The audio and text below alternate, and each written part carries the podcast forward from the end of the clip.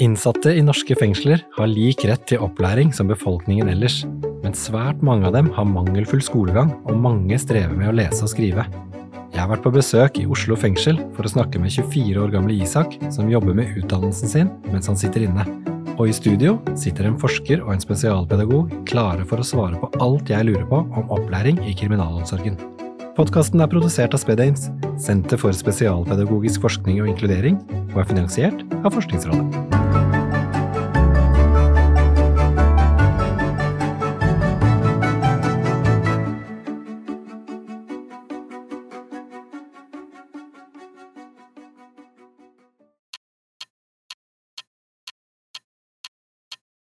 Det å sitte inne er ikke topp-topp. Det, er, det er litt vanskelig når du går på skole og sitter inne. Når du går fra skolen, så går du til cella di, og så er du innlåst i cella di, så Livssituasjonen er ikke så bra. Du har ikke energien eller hjernen til å eh, pushe deg bedre liksom, på skolen og gjøre litt ekstra oppgaver eller gjøre lekser. Så det er komme fra skolen, legge fra deg skoletingene, komme tilbake til skolen. Det funker virkelig ikke å gjøre lekser inne i cella. Det går ikke.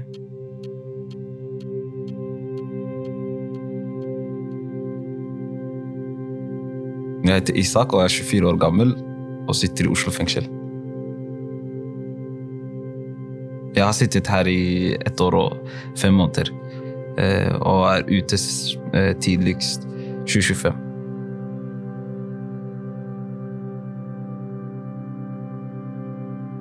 Jeg kom til Norge når jeg var eh, seks år. Fem år.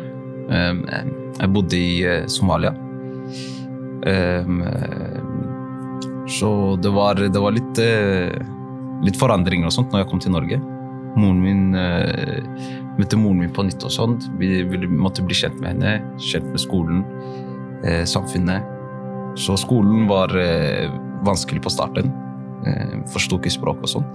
Men fotball hjalp meg mye. Så første jeg lærte, var å si senteret.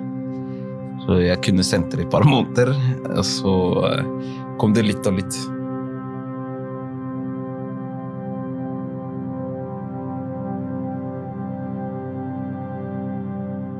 Jeg skjønte ting ordentlig, tror jeg, når jeg gikk i tredje klasse. rundt der.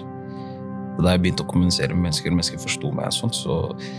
Men jeg følte at jeg var eh, litt uh, bak andre på skolen. Så jeg ble tatt ut noen ganger ut av uh, klasserommet og sånt. For å det, få litt ekstra hjelp og sånt, og det likte jeg ikke. Altså. Så jeg lata som jeg kunne mye. Skjulte det jeg ikke kunne, for å ikke gå ut og sånt. Fordi i Somalia vi hadde Jeg gikk på skole der også, så det var veldig annerledes. Det var sånn Går du ut av klassen, da du er nesten sånn jeg vet ikke, tilbakestående. Så jeg prøvde å unngå det. Um, men det kom seg etter hvert. For hvert år som gikk, jeg hadde det ganske bra på skolen. Og så når sjette, femte, så følte jeg at det starta å bli litt um, kaos i timene og sånt. Mye klovneri og sånt. Og igjen jeg begynte å falle enda mer tilbake. Uh, etter at jeg begynte å lage litt problemer og sånt på skolen. Og så var det det også at vi begynte å bli litt voksne, så vi var litt lenger ute og sånt etter skoletid. Etter eh, sjette-syvende så ble det bare en trend videre i ungdomsskolen. Enda verre. Ble flytta fra skole til skole. Jeg tror jeg gikk i alle skoler nesten i området mitt. Og så eh, dro jeg en tur til sommerferie til eh, Somalia. Jeg kom ikke tilbake. og så, når jeg kom tilbake, så var det enda vanskeligere å følge med også på skolen. Sitte stille. Så jeg var nesten aldri på skolen. Etter det så var det bare kaos, altså. ja.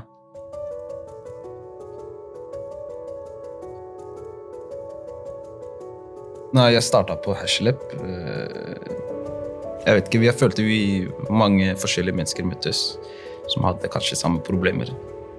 Så det var uh, mye slåsskamper og mye uh, ut, utenfor skoleopplegg, da.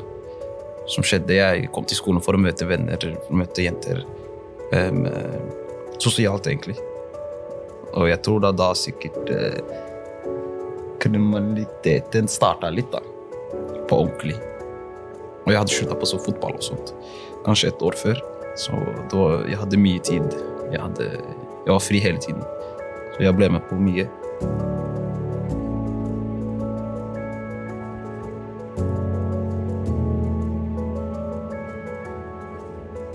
Når skolen var ferdig, så hadde jeg ikke bestått. Det var eh, fraværsgrensa som var der. Ganske nylig. Vi var det første året. Så mm, etter fraværsgrensa så tenkte jeg bare faen, skole. Det kommer ikke til å gå. Fiksa ikke jobb heller. Jeg dro ikke til Nav. Så jeg gjorde det jeg måtte gjøre. Og så rundt 2020 så kom jeg inn i Halden, tror jeg. Var der i varetekt. Og så, eh, når jeg kom ut igjen etter et par måneder, så tenkte jeg bare Hvorfor ikke starte med skolen? Fordi når jeg kom til fengsel, så var det mye Vil du gå på skole? Vil du bli ferdig? Jeg starta litt, så jeg tenkte hvorfor ikke bare? Og jeg gikk til Jeg starta igjen, søkte igjen. Var der et halvt år. Gikk inn i varetekt. Etter hvert så ga jeg opp eh, på skole.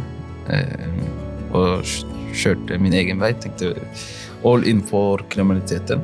Um, for jeg hadde ikke noe annet valg, egentlig. Ting var for sent. Og så havna jeg her i Oslo fengsel.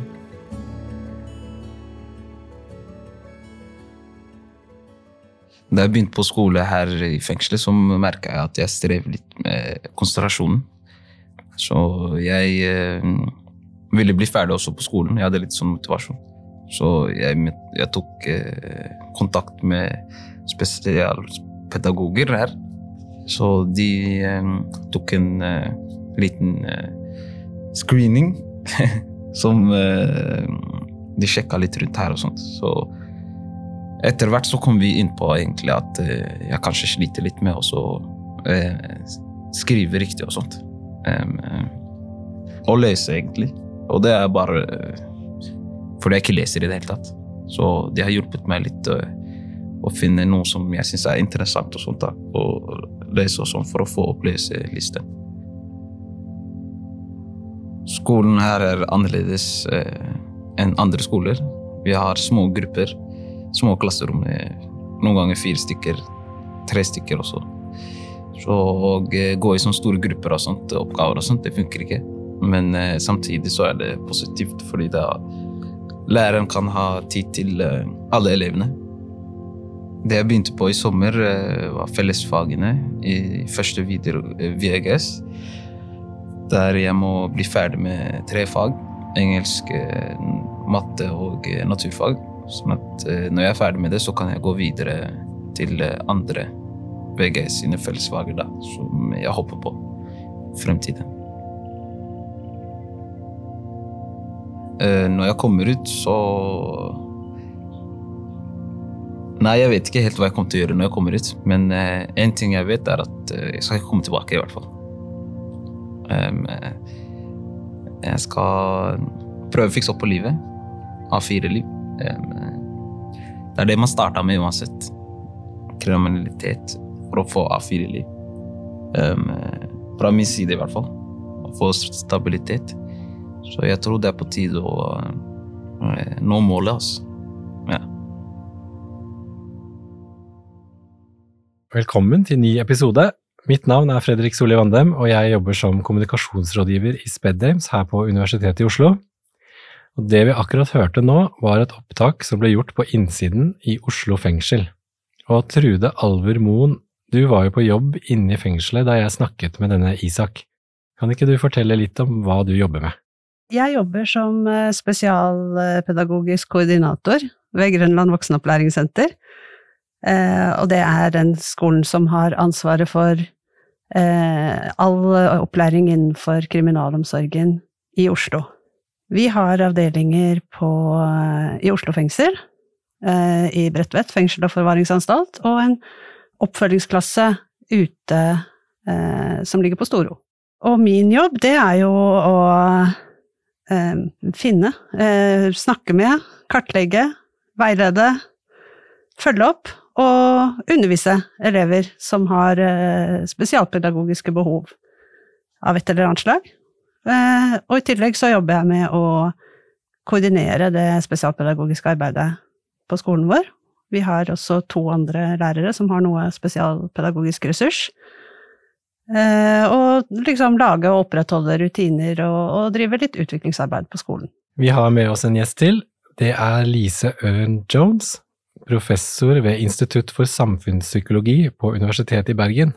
Du har jo forsket mye på opplæring i kriminalomsorgen, og i 2012 så avla du det som var Nordens første doktorgrad om opplæring i kriminalomsorgen. Hva var det du gjorde der som var så unikt? Min doktorgrad i 2012, det, det, som var unikt, var at vi hadde et representativt utvalg av innsatte eh, fra norske fengsel. Altså vi hadde et utvalg på 600 innsatte som vi eh, hadde spørreskjema til, og kartlegging av eh, deres lese- og skriveferdigheter. Og så gikk vi videre og kartla et underutvalg av disse 600 med kartleggingsprøver i lesing og skriving. Så det var 92 stykker som deltok. Så det var første gang at det var gjort eh, kartlegging med standardiserte og normerte tester på innsatte. Hva var det dere fant for noe? For det første så var det en høy, en høy forekomst av lese- og skrivevansker. Men òg, når vi hadde både de spørreskjemadataene og de målte, så kunne vi se på eh, sammenhengen mellom hvordan de rapporterte, sjølrapporterte, og hvordan de da faktisk gjorde det på kartleggingsprøver. Og da så vi at det var en lite sammenfall mellom rapportering og faktiske resultater. Det er jo en stund siden 2012 nå. Hva vet vi i dag om lærevansker blant innsatte i norske fengsler? Er de overrepresentert på den statistikken?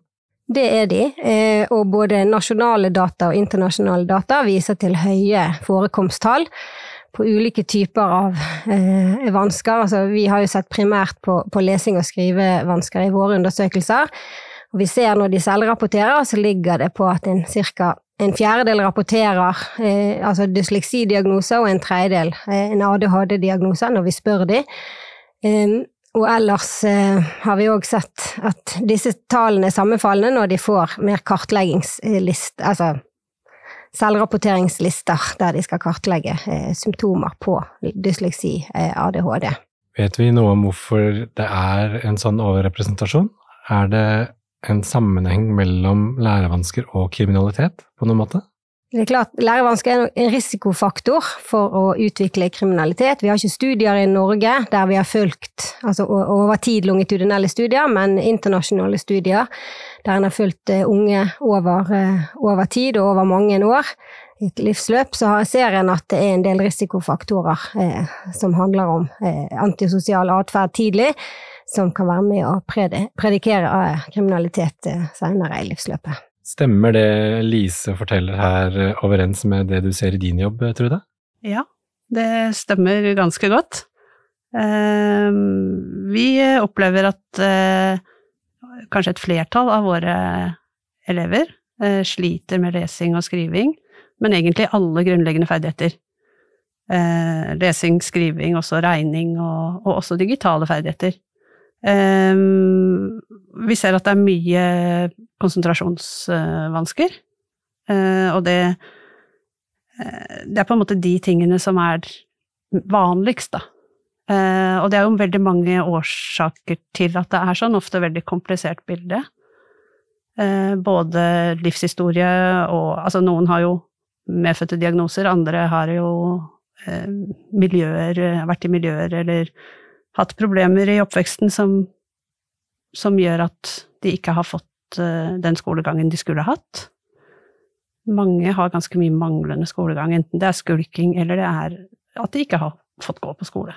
Nå har dere nevnt eh, både lese- og skrivevansker og konsentrasjon og ADHD.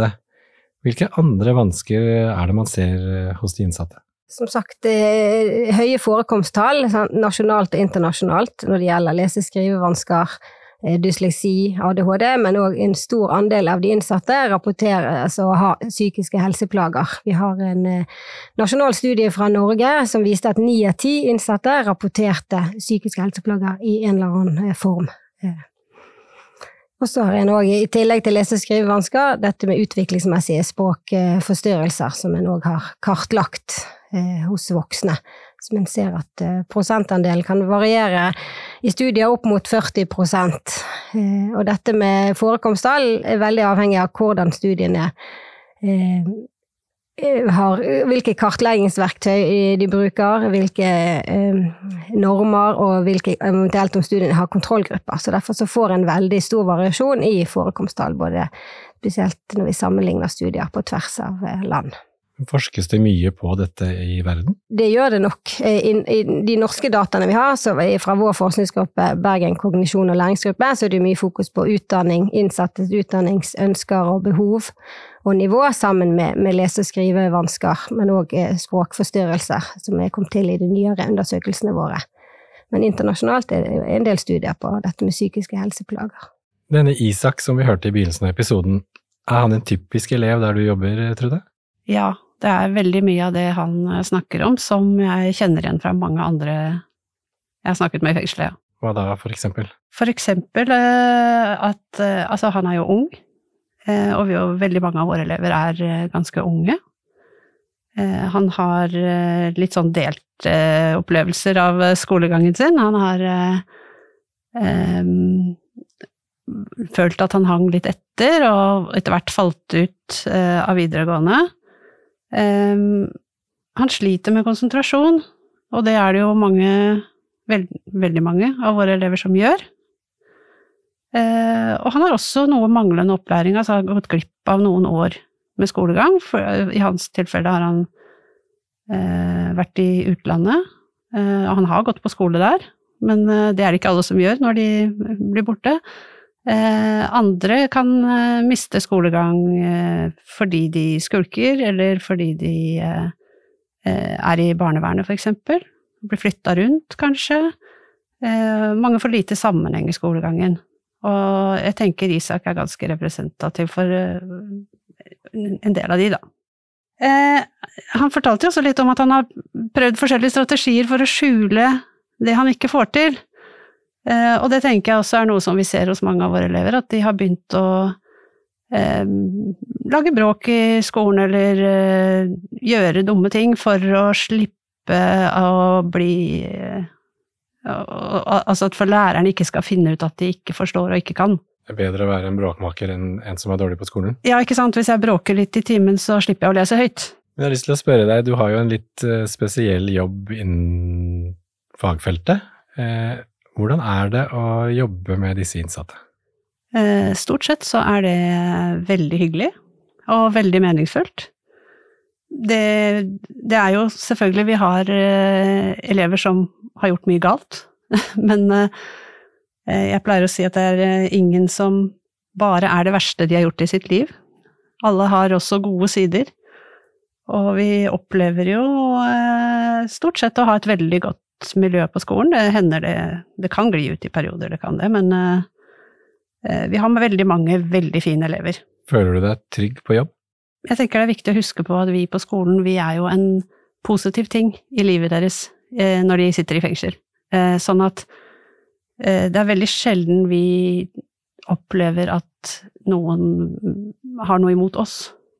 Så, så vi lærere føler oss stort sett veldig trygge. Ehm, det er selvfølgelig noen elever som har utøvd vold, og som vi vet at kanskje kan det. Ehm, men det er veldig liten sjanse for at det skjer mot oss.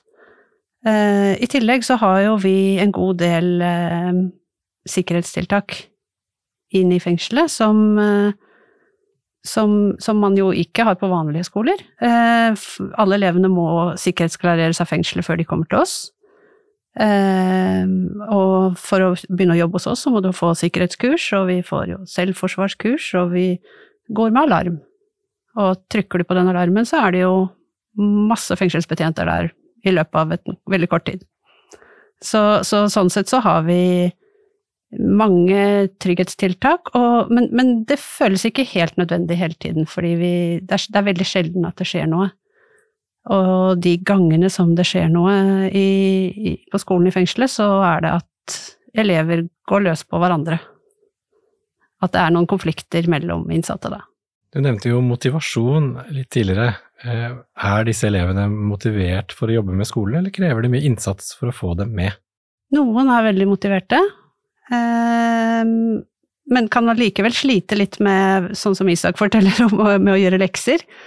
Eh, det blir sånn at skolearbeid gjør man på skolen, og når man går tilbake på cella, så er det helt andre ting som er i hodet. Noen er nok ikke så motiverte for selve skolearbeidet, men mer motivert for å komme seg litt ut av cella og få noe å gjøre, og møte andre, og fordi det kan jo bli Det er jo dessverre for mye isolasjon i fengslene, for mye alenetid, og eh, Så vi ser jo noen som, eh, som på en måte ikke er så motivert for selve skolearbeidet, men vi har også mange elever som er motiverte, og vi har mange som eh, Eh, på en måte for første gang i sitt liv får en positiv opplevelse av skole, da, når de er hos oss. Og det syns vi er veldig hyggelig. Når jeg hører om Isak som er motivert for eh, skole, så ser vi fra forskningen vår at det er ulike eh, grunner for å ta, ta utdanning i, i fengsel. Eh, ulike motiv, motiv, og dette med å sant, ha et ønske om å endre fremtiden sin, sant, ønske om jobb, videreutdanning er én ting. Dette med òg sosiale, sosiale, motiv. At en ikke utdanning i seg sjøl som motiverer en, men rett og slett komme seg bort fra cellen og møte et fellesskap i, i skolen, som er en kategori. Og så dette med kompetansebygging, som òg er en, eh, en motivkategori. Og så er det jo òg sånn at vi har sett at sant, dette med motivasjon, fra å være det å komme seg vekk fra cellen til å komme i opplæring, at det er det som driver en. Så etter hvert, sant, når en får mestringsopplevelser i skolen, så endrer motivasjonen seg til at en ønsker å drive med opplæring i seg sjøl. At det er det som, som driver en. Isak forteller jo at han tok kontakt med spesialpedagoger i fengselet, og at dere har gjort en kartlegging. Hender det at de innsatte blir utredet videre enn dette for å f.eks. sette en diagnose, tror du? Ja, Eh, vi har eh, veldig god kontakt med vår eh, rådgiver i pedagogisk-psykologisk tjeneste. Og det hender at vi henviser noen videre dit, for, både for vedtak om spesialundervisning og utredning av lese- og skrivevansker. Ikke veldig mange. Nå har vi hatt to dette semesteret.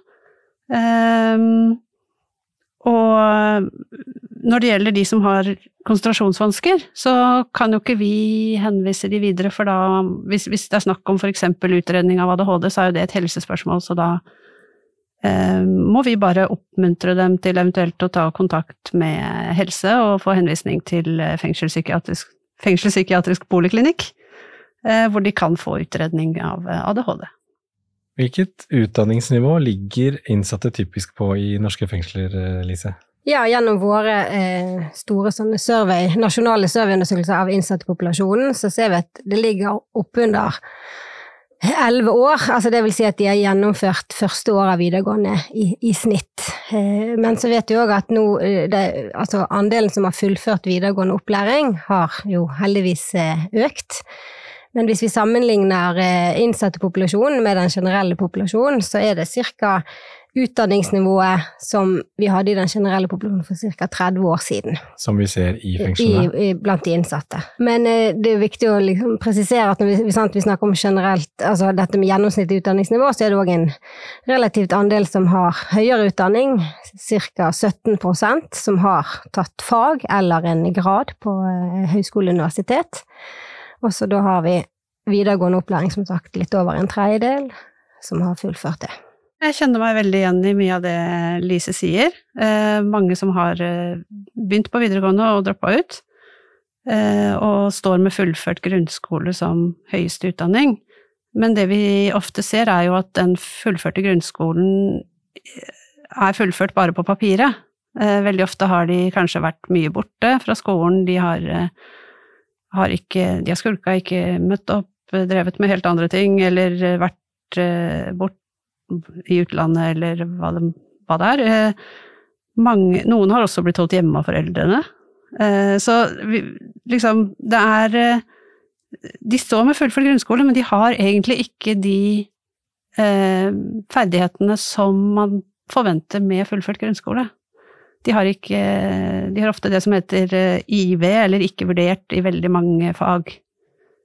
Og ligger på et lavere nivå, da. når det gjelder grunnleggende ferdigheter. Fins det noe tall på hvor mange som tar utdannelse når de sitter inne, Lise? Ja, i våre undersøkelser så har vi hatt dette spørsmålet gjennomgående om de deltar i utdanningsaktivitet når de sitter inne. og det varierer, men oppunder 50% så vi nå fra siste undersøkelsen vår i, i 2021, så da har det økt litt opp fra, fra 20, 2015, faktisk. Ja. Og da er jo det primære eh, videregående opplæring som de tar, som sant, de har en rett til å få fullført videregående opplæring. Så vi ser at det er mer utfordrende at de som er fullført videregående, eh, de som skal da få ta høyere utdanning og tilrettelegge for det, er det store utfordringer med, opplever mange innsatte. Hvordan tilrettelegger man for høyere utdanning i et fengsel? Det er veldig vanskelig. De fleste høyere utdanning som på en måte man kan ta eh, og ikke være til stede, eh, er jo eh, data- og nettbasert. Og når det gjelder datatilgang og nettilgang, altså muligheter, så ligger vi jo langt etter samfunnet for øvrig. Så de fleste nettsider må man jo logge på, eksempel med innlogginger som de ikke har, eller eh, ja, så det er veldig mye praktiske problemer rundt det å tilrettelegge for høyere utdanning, men vi får det av og til til. Ja, når det gjelder dette med IKT-tilgang, så ser vi at uh, det er en av de grunnene som de innsatte rapporterer høyest, opp mot 50 i, i forhold til eh, det å eh, ha hindringer for opplæring. Så er det tilgang på IKT-utstyr. Hvilke andre barrierer er det som finnes for å ta utdanning i fengsel? Nei, Som sagt, det er mye dette med tilgang på IKT, mangelfull informasjon.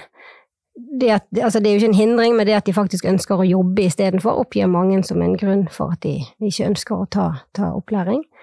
Eh, og dette med lærevansker er òg en, en, grunn som noen, eh, ikke et stort andel, men en del rapporterer. Eh, hvis vi ser på unge innsatte som har rett til videregående opplæring, men som da ikke bruker den, så ser vi at det er ganske stor forskjell på de som rapporterer da at de har en diagnose på dysleksi, ADHD, så det er betydelig færre av de som bruker retten sin, sammenlignet med de som ikke har, rapporterer slike vansker. Et av problemene som vi har nå, er jo at eh, programmer, altså digitale hjelpemidler for folk med eksempel dysleksi, fungerer jo heller ikke i fengsel. Sånn at sånn sett så har de en dårligere tilrettelegging. Det, det, arbeides med det, det kommer sikkert noe nytt snart, men uh, sånn som det er nå, så kan man ikke bruke programmer som uh, Lingdys og sånne ting inne i fengselet. Når Isak forteller om skolehverdagen sin i fengselet, så ligner det litt på det vi kaller spesialundervisning på utsiden. Små grupper, mer tid i den enkelte elev.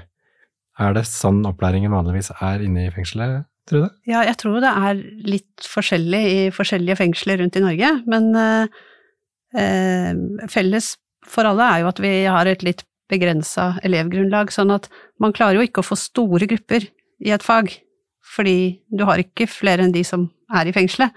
Eh, I tillegg så er det sånn at fengslene setter en del rammer for eh, opplæringen, så eh, det med små grupper kan også ha noe med sikkerhet å gjøre. Og du kan si når fengselet setter rammene, så er det jo ikke pedagogiske hensyn de tar. De, de tenker mer på sikkerhet og drift av fengselet og sånn. Så sånn sett så kan det være en utfordring. Men, men ja, vi har små grupper eh, mer mulighet for individuell tilrettelegging enn det man har ute i skolen, selvfølgelig. Det betyr ikke nødvendigvis at det er tilsvarende som spesialundervisning eh, ute, og det er jo noe med at eh, i spesialundervisning så skal man jo ideelt sett ha en sakkyndig vurdering som ligger til grunn, som sier noe om hva slags opplæring eleven trenger, og hva de bør jobbe med, og ha en IOP og sånne ting, og det har jo ikke de fleste elevene våre i fengselet. Og de fleste lærerne har heller ikke spesialpedagogisk utdannelse. Sånn at de vet jo ikke alltid så mye om hvordan man tilrettelegger for hver enkelt elev sine vansker.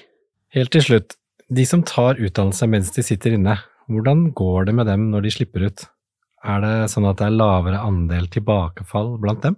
Ja, nå har ikke vi eh, studert dette i Norge når det gjelder altså effekten av utdanning, opplæring på, på tilbakefall, men en har anerkjente studier fra, fra, USA som ser at opplæringen, eh, altså opplæring under gjennomføring av straff har positiv påvirkning på tilbakefall og tilbakeføring til samfunnet. Og det er færre nye arrestasjoner, færre nye dommer og færre fengselsopphold eh, blant de som da tar utdanning, sammenlignet med de som ikke deltar i utdanning. Og at den, eh, en del andre større studier òg eh, ser på dette med kostnadseffektiviteten ved at innsatte får ta utdanning, og at det da reduserer tilbakefall, har store samfunnsøkonomiske positive konsekvenser. Jeg tenker at det å gå ut av fengsel med f.eks. videregående kompetanse, enten det er et fagbrev eller, eller eh, studiekompetanse, er jo noe som gjør at man kan komme videre i livet. Um, samtidig så opplever vi jo at eh, løslatelse det er en vanskelig tid for veldig mange, og det tar ofte litt tid for dem å komme seg på beina etterpå. Um, det å sitte i fengsel er jo på en måte å være litt avskåret fra samfunnet, og når du kommer ut, så kommer jo alt dettende i hodet på deg. Eh, du må få tak i eh, ID-papirer, du må ha bolig, du må ha noe å leve av, du må Mange har gjeld som, som de må ta tak i. Det kan være konflikter med kjente, med familie, ting som Veldig mye de plutselig må ta tak i eh, når den løslatelsen skjer. Eh, og samtidig så er man jo blitt på en måte sosialisert inn i et system i fengselet som er at noen kommer og vekker deg, noen forteller deg når du skal gjøre hva hele tiden, og ute må du styre din egen tid, du må eh, Altså, det, det, du må mye mer ta stilling til ting hele tiden, og det tror jeg mange opplever som vanskelig. Så eh, det er ikke bare Altså, veldig mange gleder seg selvfølgelig til løslatelse, men det er heller ikke bare en enkel ting, og det å komme seg videre i livet er jo ikke alltid enkelt heller.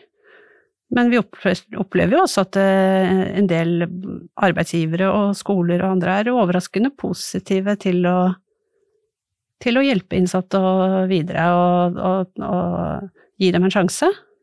Tidligere innsatte, mener jeg.